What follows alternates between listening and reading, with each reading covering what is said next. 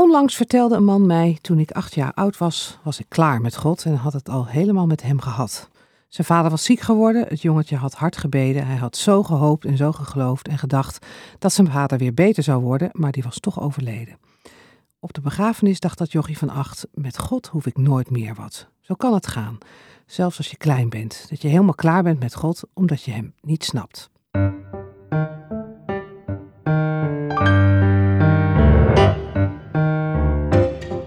Theologie-podcast gaat over wat vandaag speelt in kerk en theologie. En de Theologie-podcast wil delen, inspireren en verdiepen.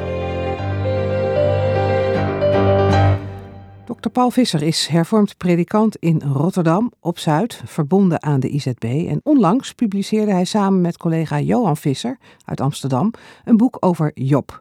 Met de titel Op het scherp van de snede. En ik ga met hem in gesprek over de betekenis van het boek Job. Hartelijk welkom, Paul. Ja. Ik noem je maar Paul, want we Ja, zijn ooit tuurlijk, nog een beetje collega's geweest in Amsterdam. Zeker. Voordat je ging preken over Job, hè? ehm, want daar is, komt dit boek uit voort. Wat, wat, hoe keek je tegen Job aan eigenlijk? Weet je dat nog? Ja, nou, het intrigeerde mij altijd al wel. Eh, omdat eh, de vragen van het lijden, die hebben me altijd bezig gehouden. Heeft ook iets met je eigen biografie te maken. De vraag van het waarom, van het, het waartoe. De zinloosheid. Eh, eh, li- liever geen antwoord dan het verkeerde antwoord. Dus eh, het heeft me altijd, zeg maar, bezig gehouden van hoe zit dat? En ik weet ook dat het gewoon heel heilzaam kon zijn om geregeld één, twee keer per jaar dat expliciet ook in een preek aan de orde te Hm. stellen. Aan de hand van een psalm, waar dat ook nog alles voorkomt. Ja, psalm waarom- 73, Waarom Asaf. niet? Ja, Eh, of Psalm 77, ik hief een rouwklacht aan toen ik aan God dacht. Dus dan is God ook voor een beetje dood. Eh, voor iemand die notabene de lof van God moet gaande houden. Dus, ehm, en het bijzondere van Job vond ik altijd van ehm, het begin, de opening. Eh, de boze die er blijkbaar op uit is om al het goede van God kapot te maken, inclusief je geloof. Ja. Eh, dus mensen zeggen vaak, zeker in eh orthodoxe kring, ja, het zijn geen mensen die het je aandoen en dan komt alles bij God vandaan. Nou, zondag 10 van de catechisme speelt daar natuurlijk ook een rol in. Alle voorspoed, Ja. tegenspoed eh, komt niet, overvalt je niet zomaar, maar komt uit Gods vaderlijke hand. En ik ben al heel lang ervan overtuigd dat dat te makkelijke slogans zijn. hm. En dat het ingewikkelder is. En dat er een, een kracht is die veel kapot maakt en die altijd een wicht probeert te drijven tussen God en ons. Dat kan via voorspoed, maar dat kan met name ook via Ja. moeite en lijden. ja nou, Nou, dus eh, daar, zit, daar zit een, eh, de basis om... van, eh, van het ja, geïntrigeerd zijn. Nou, over die rol van Satan gaan we het zeker ook nog hebben, want dat is inderdaad in Job ook bijzonder. Ehm, die vraag over het lijden, je zei net, ja, ik preek, dat, ik preek daar toch wel twee keer per jaar over. En Ja. dat doe je denk ik, omdat het ook een vraag is die voor heel veel mensen heel levend aanwezig is. De Ja. vraag naar het lijden. Zeker. Er is geen mens die eraan ontkomt. Ehm, en dan komt onmiddellijk altijd het waarom en het waartoe. Ja. Eh, waarom heb ik het verdiend? Ben ik dan slechter dan de rest? Eh, er komt zomaar een vorm van, zonder dat mensen doorhebben, Sinterklaas geloof. Om de hoek kijken, wie zoet is, die krijgt lekkers. Wie stout is, de roe. Ja. Nou, eh, zo is de levende in ieder geval niet. Nee. Maar hoe is die dan wel? Ja, Ehm, als God geen Sinterklaas is, eh, zit ook iets burgerlijks in trouwens, hè, van waaraan heb ik het verdiend? Maar ik snap de vraag ontzettend goed. hm. Maar wie is die dan wel? Ja, kun je zeggen, hij is een vader. Maar goed, als die een vader is en die heeft de macht en die heeft je lief, hoe bestaat het dan dat je zo aan je lot kan overlaten? Dus ehm, er zijn raadsels te over, Ja. wat dat betreft. En eh, ehm, ik, ik denk dat het ongelooflijk belangrijk is, zonder dat je op alle vragen antwoord wilt geven, dat überhaupt de vragen gesteld kunnen worden, Mm. ook in de verkondiging. Ja. En dat was altijd, ik heb nooit geprobeerd een sluitend antwoord te vinden, maar wel gewoon die vragen eerlijk op tafel te leggen. Mij valt ook al altijd op dat mensen in de kerk die vraag stellen, maar dat ook heel vaak mensen die zichzelf dan niet gelovig noemen, dat wel als een van de eerste vragen noemen als Ja. het over God gaat. Nou ja, dat is ook een bijna voor de hand liggende vraag. Het is trouwens ook een mooie stok om de hond mee te slaan. Dat, zo kan je het ook Dat is ook opvatten. de ja. andere kant. Ja. Hè? Dus eh, er zijn mensen die zitten echt met die vraag. Ja. Hoe kom ik daaruit? Maar het zijn vaak gelovigen die echt met de vraag zitten. Mm. Ehm, ik wil dat trouwens niet te ver uit elkaar tegen, eh, eh, tegen elkaar uitspelen. Nee, maar, je Maar- kan je er ook achter verschuilen. ja, dat is ook heel makkelijk. Ja. Van, nou, dat is toch onzin, moet je kijken. Ja. En dan ben ik geneigd om tegen zo iemand te zeggen van, joh, oké, goed, jij schaft God af. Nee, laat ik het een ander voorbeeld noemen. Ehm, dat was na de, het neerhalen van de MH17. Mm. Toen werd ik gebeld door een verslaggever van NPO 1. En eh, nou ja, eh, die vroeg toen eh, van, ja, en God, hè? Oh ja, Zo van, nou, daar zit jij nu, Ja. met je God. met je 200 zoveel mensen in dat vliegtuig. En eh, dus, eh, nou, daar kreeg ik even een gesprek over. Ik zeg, nou laten we gewoon uitgaan van jouw idee. Er is geen God. En zeker nu, zo'n vliegtuigramp. Hè, dit is een beetje het finale bewijs dat het onzin is. Ik zeg, en dan? Wat hou je dan over? Een vliegtuig dat eh, is, is neergestort. Zoveel doden. Heel veel verdriet. Dat hou je over, zonder God. Ja. Hou je de ellende over. Bleef het heel stil aan de andere kant. Dus ja, zo had ik er nog nooit over gedacht. Ja. Het is neem wel de consequentie. Dus je mag God afschaffen. Maar dan moet je het ook gewoon doen met dat wat zich aandient. Eh, geloof in God is geen oplossing van alle problemen, maar maakt misschien toch wel verschil. Uitgerekend midden in het verdriet dat er Ja. iemand is die niet alles oplost, maar die wel naar mee omziet op de een of andere manier. Niet op een gemakkelijke manier, maar dat het, het leed, het verdriet, de dood, het verderf niet het laatste woord hebben. Daar is toch wel wat voor te zeggen Ja. om nog eens over na te denken. Dus dat was een mooi Ja, Een een mooi mooie gesprek. interactie. Ja, Ja. precies, precies. Laten we het eens over Job hebben. Eh, wie was Job? Job, ja, dat, eh, ehm, dat is, hij, eh, hij staat symbool voor alle mensen die eh, te kampen hebben met eh, lijden wat niet te verklaren is. Mm. Dus eigenlijk voor alle mensen. Ja, hij staat symbool voor alle mensen. Ja. Dus het is ook geen Israëliet trouwens. Hè. Hij woont in het land Lus. Hij woont buiten Israël, zo wordt hij althans gesitueerd. Nou, er is natuurlijk een discussie over van, Mm. is het echt een historisch figuur? Wat mij betreft is het een historisch figuur, maar dan niet... het gaat niet om, om Job en om... eh, Nee, we eh, hoeven niet precies te weten wanneer hij geboren exact. is en wanneer hij Nee. gestorven, waar hij Nee. woonde. En, Het eh, kan zijn dat er een soort bekend figuur is geweest die heel veel zeg maar, leed heeft meegemaakt. Maar waar het om gaat is dat in dat boek eigenlijk ehm, eh, uit de doeken wordt gedaan hoe raadselachtig het in het leven eraan toe kan gaan. Hoe het kan zijn tussen God en een mens. Ja. En ja, dat heeft zijn eigen heftigheid. En er zijn zomaar geen makkelijke antwoorden op. En de wijsheid van Israël, die was natuurlijk aan de ene kant eh, niet wie zoet is, die krijgt lekkers, maar wel als je God vreest, dan heb je hem mee in je leven. Ja. En als je hem verlaat, dan krijg je hem tegen. mm, Eh, en in het vrezen van God zit eh, voorspoed. In het gaan van je eigen gang zit veel ongeluk. Nou zit dat ook als het ware al in opgesloten. eh, wie het kwade zaait, die zal het kwade oogsten. Hè? Dus ehm, in het kwade doen op zich, daar zit op zich al veel ongeluk Mm, in, zou je mm, kunnen mm, zeggen. mm. Eh, het goede doen, dat, eh, dat belooft ook goeds. Maar daarbovenuit is er ook nog iets anders. en daar gaat dit boek Dat je over. wordt behoed voor kwaad en dat je wordt gezegend met goed. En dat blijkt toch niet eh, Nee. zomaar op te gaan, die vliegen. Het is eigenlijk best wel een riskant boek ook, hè? Het is een heel riskant boek. Ja, want je En stelt is- de, de moeilijke vragen. Ja. Ja. Nou ja, het is ook gelijk in hoofdstuk 1 is het al een heel riskant verhaal. Want nou ja, zo wordt het getekend. De boze die komt dan langs bij God of de Satan. En die zegt, eh, ja, u denkt eh, zo gelukkig te kunnen zijn met die Job. En dat hij u vreest om niet. Maar geef hem mij eens een poosje, dan zullen we zien. Ja. En je zou kunnen zeggen, God kan geen kant op. God staat met zijn rug tegen de muur. Want als hij nu zegt, nee, daar gaan we niet aan beginnen. Dan betekent, die, betekent dat dus dat, dat eh, God dat niet aandurft. Nee, dat hij niet zeker weet of dat wel goed zal of gaan. dat wel uit. Ja.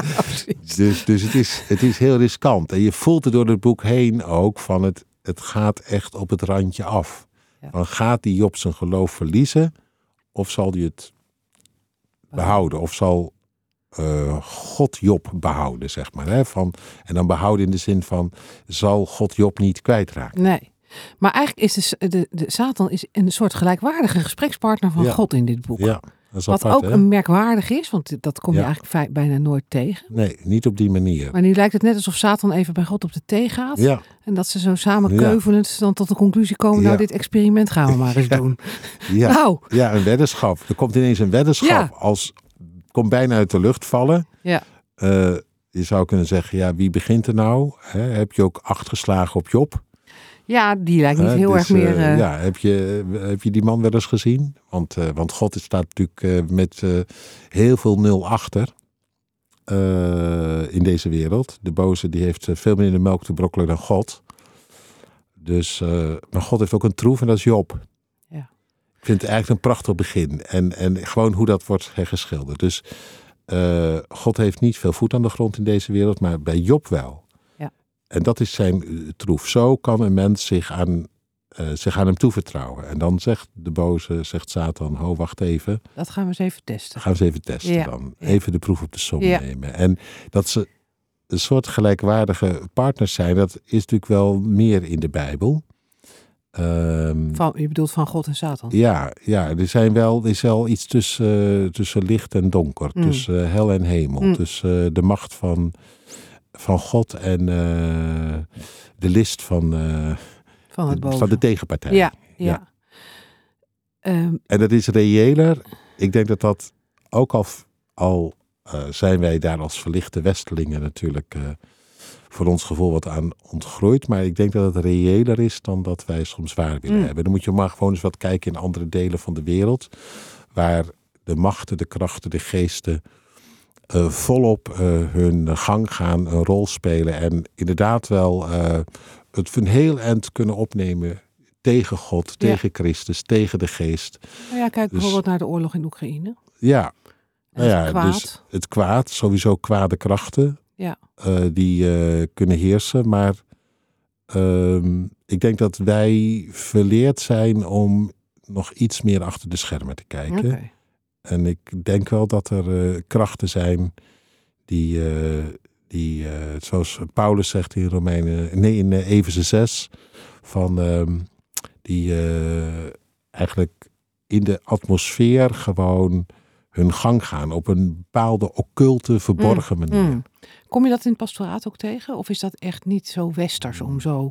Nou, het is, het is verschillend. Hè? Kijk, je hebt natuurlijk eh, mensen die zich heel bewust met het occult hebben ingelaten. Ja. Maar ik heb het vooral ook wel via mijn familie, mijn eigen dochter, maar ook andere zus, broer, die in Afrika hebben gezeten. Hm. Eh, en andere familie die in, eh, in Azië heeft gezeten, eh, geleerd, ontdekt dat occulte krachten wel zich heel erg breed kunnen maken Hm. en zich kunnen eh, manifesteren. En dat het geen sprookjes zijn uit de middeleeuwen, Nee. maar gewoon zeg maar, realiteiten die, die heel veel zeggenschap hebben. En die ook veel kapot kunnen maken. Ja. Ook heel letterlijk kapot kunnen maken. Ja. Het leven kapot kunnen maken. Ehm, en dan van daaruit ook angst kunnen aanjagen. Of eh, mensen helemaal ehm, kunnen gaan bezetten. Precies. Ja. Nou, bij Job eh, is in ieder geval Satan zeer aanwezig. Eh, na dat theekransje, het is een beetje onderbiedig gezegd, maar eh, gaat, krijgt, hij, krijgt Satan inderdaad de vrije hand, eigenlijk Ja. kan je zeggen in het begin. Eh, daar zo verder over, maar eerst nog eens even over de mensen rond Job heen, want daar is ook altijd heel veel over gezegd. Hè? Ja. Zijn vrouw, Ja. die heeft ook wel wat een rol. En dan hebben we nog zijn vrienden, Ja, eh, en zijn familie, de kinderen die allemaal doodgaan. ja, Later krijgt hij weer nieuw, maar toch? ja, maar Eh, rampzalig. Ja, dus die vrouw die zegt op een gegeven moment, joh, hou er nou toch eens mee op. Nou ja, dat even nog om terug te komen op die vraag die je zojuist ook stelde. Ontmoet je het nou in het pastoraat, hè, de macht van Satan? Nou, niet zo in de zin dat als er wat gebeurt, oh, dat is de boze die jou dat eh, aandoet. Hè? Dus daar moet je ook mee oppassen. Mm, Het leven is eh, grillig, het leven is kwaadaardig, het leven is eh, onberekenbaar. Eh, er is gebrokenheid aan alle kanten. Het zit soms al in de genen, de ziekte en de narigheid. Dus enorm oppassen met al te makkelijke verklaringen. Zegt komt- C.S. Lewis ook, hè? Niet Ja. de duivel overal achterzoeken. Nee, nee. En het komt ook niet uit een laadje bij God vandaan, alle, alle narigheid. Ehm, dat is denk ik ook eh, gewoon niet, eh, niet goed om eh, er zo naar te kijken. Dus zondag 10 is ook veel te makkelijk. Het is, de Heidelberg catechismus wordt hier ook even afgeschreven. ja, vooral die zondag 10. Oh, vooral zondag ik 10. hou erg van de catechismus, maar die maar zondag 10 mag eruit wat is te betreft. eh, onzorgvuldig geformuleerd. Ook ja. niet echt bijbels. Nee. Eh, zeg maar, Jezus heeft niet ook eh, met kwaad gestrooid. Hè? Dus Jezus heeft heil gebracht, maar hij heeft niet gezegd, nou, die maak ik ziek en die, eh, die duw ik in ravijn, want het is wel goed, dan kun je, kun, je wat nederiger worden of je kunt je lesje leren. Dus je moet ontzettend oppassen om eerder liever wat bescheidener als het gaat over waar komt het precies vandaan. Maar er zit wel nog iets anders en daar kun je wel in het pastoraat soms op aanhaken. Van, eh, ik geloof wel dat er een tegenkracht is, een tegenpartij, waar, eh, waar Petrus het over heeft, die als een hongerige leeuw altijd erop uit is om te verslinden, te verscheuren en vooral dat van God kapot te maken. Mm. Dat je dus door het kwaad en het lijden, maar net zo goed door wilde en voorspoed, eh, eigenlijk je geloof kunt verliezen. Hm. Dat er altijd een, eh, een kracht is die tegenover de geest van God bezig is te ondermijnen in ons leven. En ons onderuit te halen. En dat kapot te maken wat er is gegroeid aan geloof en aan hoop en aan liefde Ja. tussen God en ons hart. Dus dat, Maar als je dat nu zo zegt, dan kan dat ook wel echt angst oproepen bij mensen. ja, En, en, en inderdaad, ook het. je moet, Ja, ja je, dat heb je gelijk in. Dus je moet het niet, niet te snel zeggen. nee. Eh, je moet het ook eh, op een genuanceerde manier zeggen. Dus we hebben zelf ons gevecht. Maar in dat gevecht Zit, kunnen die krachten zitten. zitten wel ook andere krachten die ons bepaalde richting uitduwen. Ja. Dus je hebt de Heilige Geest, daar geloven we in. De Geest van God die ons eh, kan richten op God, op zijn liefde, op zijn genade. Te midden van het leed, te midden van het verdriet. Maar er is ook een soort andere kracht die altijd bezig is ons ook, eh, zeg maar, een beetje op te jutten in negatieve zin. Mm, Iets aan te jagen, Ja. aan te blazen. ja, en daar moeten we in staande Ja, blijven. Daarin staande blijven. Dus in die in dat, krachtenveld. krachtenveld. Ja, dat is hè, daar dat echt een krachtenveld. En dat ja. kun je dus niet precies aanwijzen. Nee. Het is wel een krachtenveld. Op de een of andere manier. Ja. ja.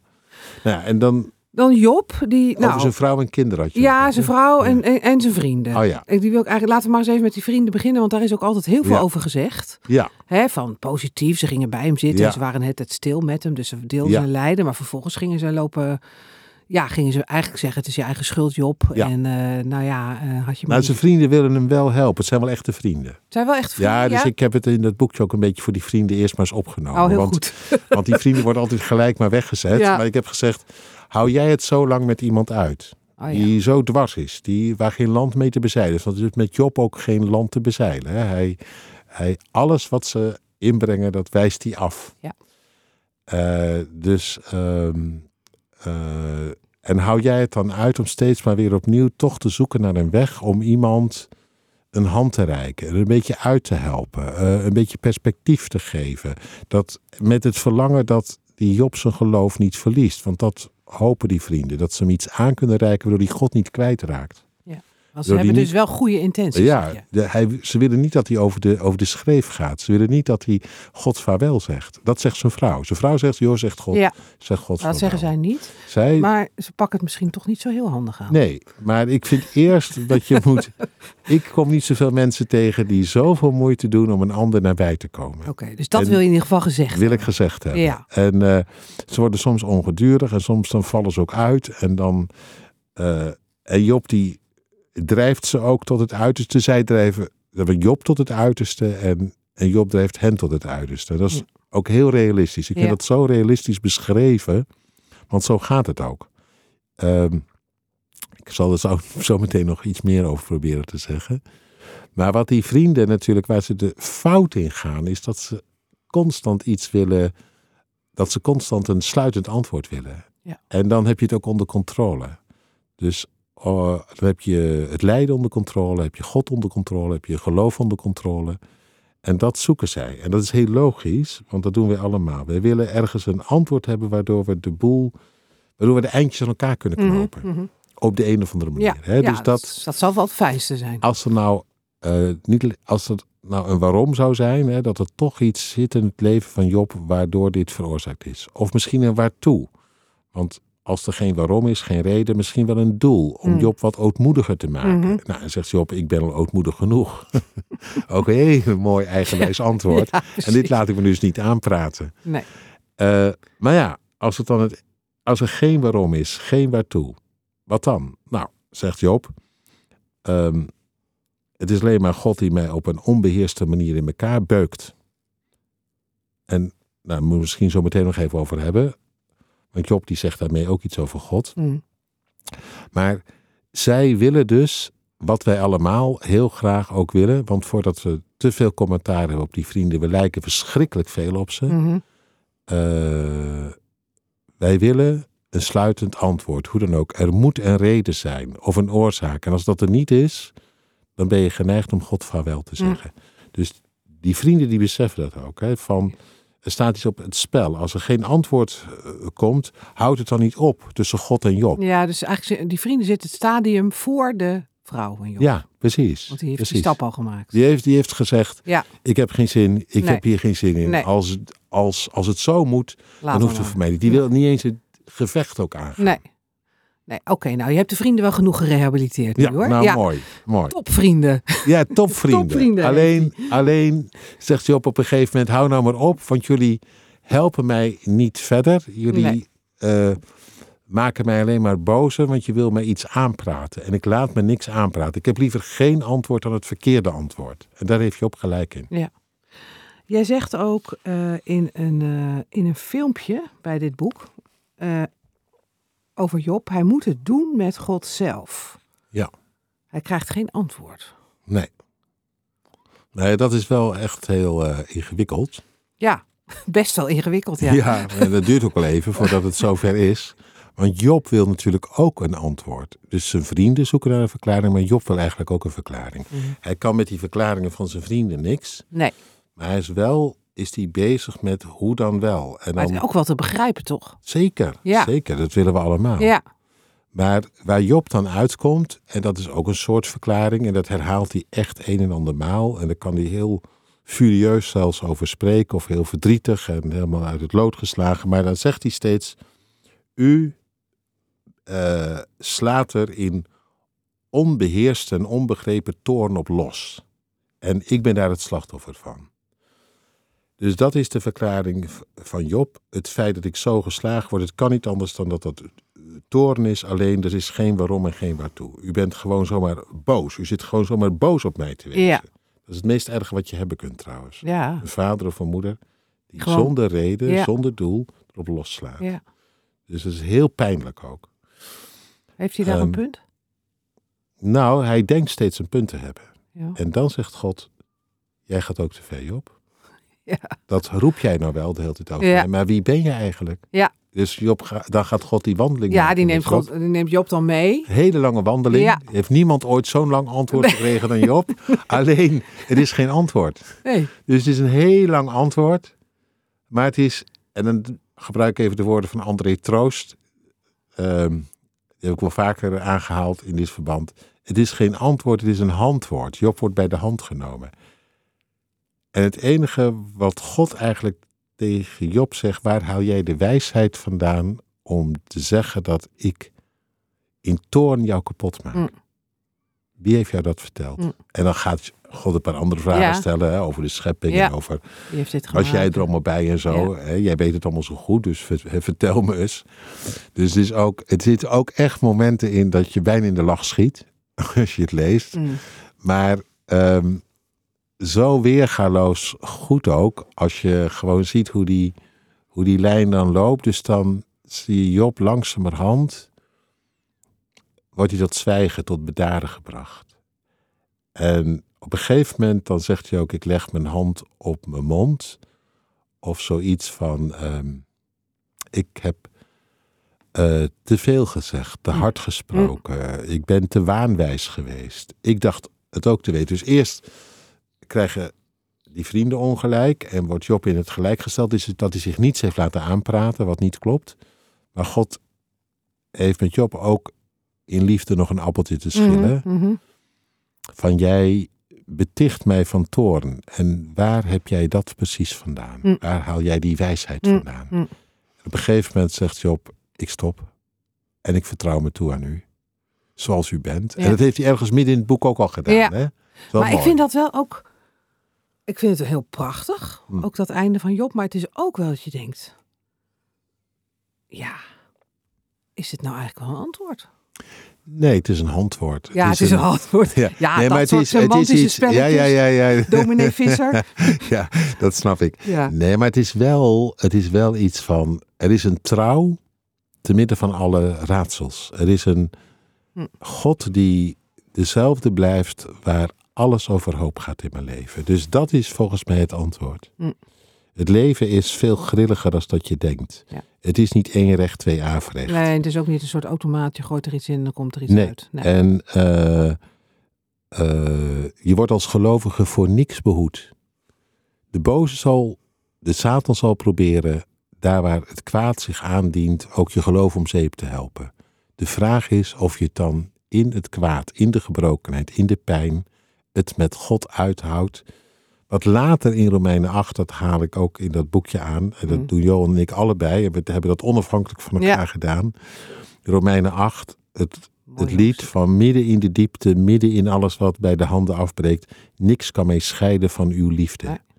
Want die liefde hangt niet af van omstandigheden. Die liefde heeft te maken met uw hart, met uzelf. Die heeft te maken met Christus. eh, dus liefde in Christus. Mm. Dus niet liefde in omstandigheden. En dat er iemand in onze misère gekomen is en die het doorbroken heeft, eruit opgestaan is, meer dan overwinnaar. Dus ehm, ehm, we hebben gewoon te maken met het leven, jij en ik. Wij Mhm. ook, Elspeth. Mhm, mhm. Ja. Met, eh, nou, niet met helemaal het leed, met wat hier dan allemaal in naar voren komt, maar ieder met zijn eigen leed. En Is het een. Is hou het, je het dan uit Ja. met God. En zo, verbind, Geduld met God. zo verbind je het. Ja, dat is dat ook niet een titel van een boek. Ja, dat is Ja. van eh, Thomas Hali. Oh ja, Thomas ja, ja. ja, dus En en zo, zo verbind je het ook met het lijden van Christus. Eh, is het een, eh, je werkte, hè, je bent predikant in Rotterdam, maar je werkt ook voor de IZB, je werkt ook in een missionaire context. Is het, kun je met, met het verhaal van Job iets in een missionaire context, waarin Ja, heel hè, veel. waar mensen toch ook, dit, dit- hè, wat ik eerder ook al zei, die Mm. vraag naar het lijden, die stellen eh, ook heel veel niet, nou ja, niet gelovigen, maar oké, Mm. mensen die zich niet onmiddellijk tot gelovigen zichzelf benoemen. ja, het Maar is, kan, kan, je dit, kan je hier dan iets mee? ja, ik denk het wel. Het is. ehm, ehm, kijk, het lijden, dat het treft ons allen. Hè? Ehm, eh, de rechtvaardige en de goddeloze, Ja. zegt de prediker al. Hè? Wie God dient, wie hem niet dient. We hebben allemaal, we, ons treft allen hetzelfde. Dus dat is. Het is. ehm, hoe verhouden we ons ertoe? Je kunt daarmee zeggen, nou, het feit dat dit gebeurt, is voor mij het bewijs dat het nergens op slaat. Dat is de, de, de korte reactie van de vrouw Ja. van Job. Die is Ja. er echt eh, En die hoor, dat hoor je nog heel gauw mee klaar. Ja. Alleen, ehm, dat is wel een, een even opluchting, is God de kop van Jut. Maar dan vervolgens ben je als mens alleen. Dus dat kan, dat kan een keus zijn. Mhm. En ik kan jou niks opdringen. Ik kan die vrouw van Job ook niet terugroepen. Nee. Alleen of het erg hoopvol is, is de vraag. Dat is een beetje hetzelfde Je- gesprek als je met die journalist had. Ja, Ja. dus je hebt. eh, eh, dus ik, ik, ik heb juist ook wel in de gesprekken waar, eh, met. in missionaire context, dus met mensen die er niet veel mee hadden of heel veel vragen hadden, uitgerekend hier heel eerlijk over gehad. Ehm, van eh, hoe kan het zijn, eh, zoveel lijden en een God van liefde. En ik vroeg dan gewoon daartegenover, denk je in, zoveel lijden zonder God van liefde? Mm.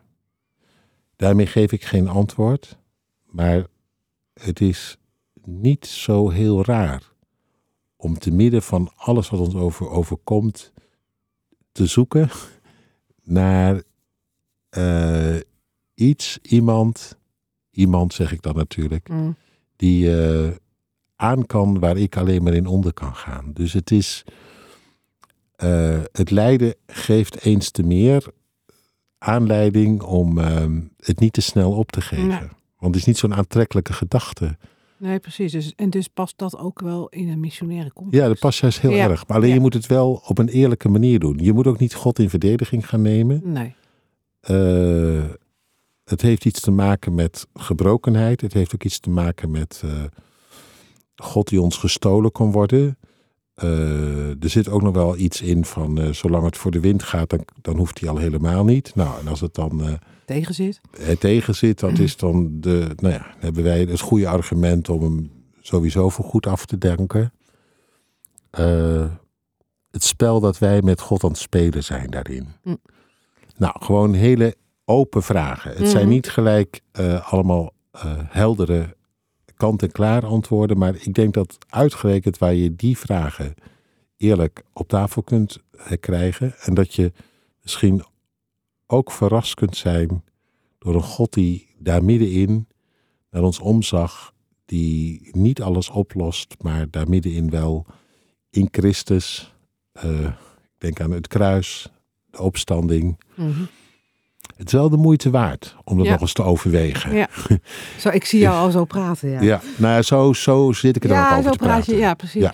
Je hebt natuurlijk ook nog het, het lijden dat... eh, hè, bij Job heeft het een, een raadselachtige herkomst. Maar we Ja. hebben natuurlijk ook het lijden wat wij zelf veroorzaken. Jazeker, als ja. mensen. Hè? Klimaatverandering, eh, Ja. oorlog. eh, nou ja, noem alles maar op wat wij als mensen kunnen doen. ja. Ehm, Ja. Laten we het daar ook maar eens even over, dan over hebben. Hè? Dus Ja, precies, had ik het ook hoe- juist in missionaire context hoe, zi- hoe, hoe zit dat dan in, de context van Job? Eh, Kan je, kan je daar ook iets mee? Of kan je daar dan ook iets over zeggen? Nou ja, laat ik zo zeggen. eh, het heeft ook Lewis al gezegd dat vier vijfde van het lijden, dat veroorzaken we zelf, doen we elkaar aan. Dat is de grote rottigheid. Het, het kwaad zit in ons en daarom doen we elkaar ook veel kwaad. Dat is sowieso een reden om, als er vier vijfde eh, bij ons vandaan komt, zou je kunnen zeggen, wat zou het een zegen zijn als wij zelf een beetje anders werden. Dus dan is de relatie tot God ineens ook weer heel belangrijk. Ja. Ehm, dat is één ding. Eh ander ding is, er is natuurlijk ook eh, kwaad wat ons overkomt. Hè. Neem de aardbeving in Turkije. Ja. Vreselijk, vind ik ook echt, vind ik ook gewoon dat, ik, ik heb daar ook gewoon geen woorden voor. En zo is er veel meer kwaad, wat Mhm. echt verschrikkelijk is. Wat Mhm. we niet elkaar aandoen, maar wat ons overkomt. Alleen denk ik dan ook nog even aan iets anders. Ook aan een gesprek wat ik een keer hoorde van een BN'er. Hele grote mond over God. Op, op, op, dit en dat. En God die deugde niet. Want dan zou die wel zus en zo. Nou, dat vond ik toch wel mooi. Degene met wie die aan tafel zei, die zei oké. Okay. zei eigenlijk een beetje hetzelfde als wat ik zei. Weet je, we doen gewoon niet meer aan God. Nee. Die, dat heeft toch geen zin. Dat geef je ook duidelijk aan. Mhm. Gewoon flauwekul. Ophouden dan ook over God. Laten we niet meer over hem praten. Alleen dan vraag ik even aan jou. Jij hebt een meevallen van 1000 euro.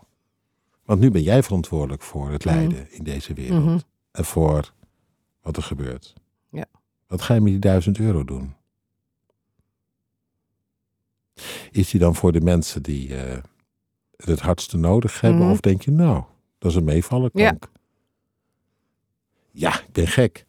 Nee, hebt Gelukkig de, dat hebt jij- nu de verantwoordelijkheid. ja, jij hebt nu de verantwoordelijkheid. Ja, dus, En neem hem dan ook. Dus ik denk dat wij volop verantwoordelijkheid moeten nemen. Ik kom ook weer even bij die vrienden.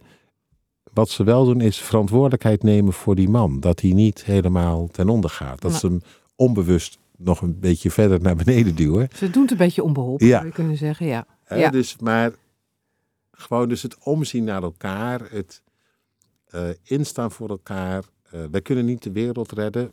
Wordt in de Bijbel ook nooit gezegd. Je hoeft, uiteindelijk gaat het om de naaste. Dat je Mhm. een naaste bent voor iemand. En dat kan altijd maar één tegelijk. Want ik heb maar Ja. één paar handen. En, eh, dus, ehm, maar dat, dat is denk ik in al dat lijden. Eh, voordat we allemaal commentaar hebben op God dat hij niet deugt en dit en dat en dat hij het anders moet doen. Ja, wat doe ik? Ja, want als je zegt vier vijfde van het lijden wordt door onszelf veroorzaakt, dan is dat eigenlijk meer de vraag om bij te beginnen, toch? Ja, zeker. Dan dat je begint bij dat Wie ben ik en wat doe ik? Ja. ja. Ja. Want eh, maar, Oekraïne moet je niet gelijk over God beginnen. Moet je beginnen over Poetin. een heleboel andere dingen. Over Ja. Poetin en over de hele geschiedenis die daaronder zit. En ook de Europese gemeenschap die niet altijd Nee. eh, schone handen heeft in de geschiedenis natuurlijk. Dus er is een heleboel over te vertellen. Voordat we bij God zijn. Ja. Slotvraag. Ehm, als je als eh, predikant of theoloog in gesprek bent over dat lijden, ehm, is nog wel eens de neiging, ook bij me, ik merk zelf ook, omdat je toch iets wil zeggen van nou dat alles uiteindelijk wel goed gaat komen. Ja, Wat zeg je daarvan, van die reflex? ja dat vind ik een. eh daar moet je enorm mee oppassen. Ja. Want weet je, ehm, ik ken zelf ook het, iets van het lijden Mm. in, eh, eh, in ons leven. Heel jong, ik stotterde heel erg. Dat heeft me echt heel veel geleerd over eh, hoe je moet. eh het was maar vergeleken met wat andere lijden heel klein. Mm. Maar het zat heel erg dwars. En Ja. het had natuurlijk ook te maken met het feit dat ik eh, moest preken. Ja. En, dus ik heb daar een enorm gevecht met God over geleverd. Mhm. Ik had mijn geloof daardoor kunnen verliezen. Mhm. Dat is niet gebeurd. Nee. Nou, dus daar heb je eh, wat van geleerd. Maar ik heb altijd toen wel ge- gedacht, dat hele kleine van mij. En dat ik dan soms van andere mensen hoor wat zij meemaken. Doe daar niet makkelijk over. Doe daar nooit makkelijk Dus over. zeg niet te snel. Nee, ga maar gewoon in dat lijden. eh, of eh, loop in dat lijden met mensen mee. Dus Zeg niet te snel. Ja, maar het komt goed. En de Heer is erbij. En nog een paar van die dooddoeners. Ehm, ik weet nog dat één keer een ouderling tegen mij zei. Hij bedoelde dat ook heel goed, die man. De Heer houdt u wel nederig, hè? Oh, Toen zei ik, eh, nou dan gun ik u dit ook. Ja. Dat u dit gaat, gaat stotteren. Hè, dus, ja, Ik dacht, dan zal ik jou Ja, krijgen. Ja. dus dat zijn, ik snap die Job in zijn antwoorden. Eh, dus hou het maar heel lang uit. Huil met mensen mee. Eh, wees verrast als er een beetje troost komt. Maar praat niet te gauw richting de eeuwigheid waarin alles goed komt. Nee. Want ik wil vandaag gewoon ontvangen. Of eh, ja, ontvangen wat ik verlang. En het gaat over hier en nu. En dat er midden in de troost ook iets komt van hoop. Op een toekomst waarin mijn tranen worden gedroogd. Dat is zeker waar. Ja. En stel je voor dat het niet waar was. Dan was het hopeloos. Mm. Maar eh, daar kan ik vandaag toch lang niet altijd. ehm, daar kan ik vandaag niet altijd alles Nee. mee. Nee. Nee. Dankjewel, Paul Visser, voor dit gesprek over Ja. Job. En eh, als je meer wilt lezen over Job in relatie tot het lijden, ga dan eens even naar de themapagina www.theologie.nl slash Job. En op die pagina hebben we een groot aantal actuele artikelen over het thema bij elkaar geplaatst. En eh, wist je dat deze podcast onderdeel is van het platform theologie.nl? Daarop vind je theologische blogs, een heleboel, honderden theologische boekrecensies, duizenden artikelen. Staan allemaal voor jou klaar om te lezen. En eh, dat kan ook via een leuk aanbod. Lees alles op theologie.nl één maand gratis. Ga dan naar de site. Kies lid worden en gebruik de code podcast tijdens je bestelling. Tot ziens op theologie.nl en tot de volgende podcast.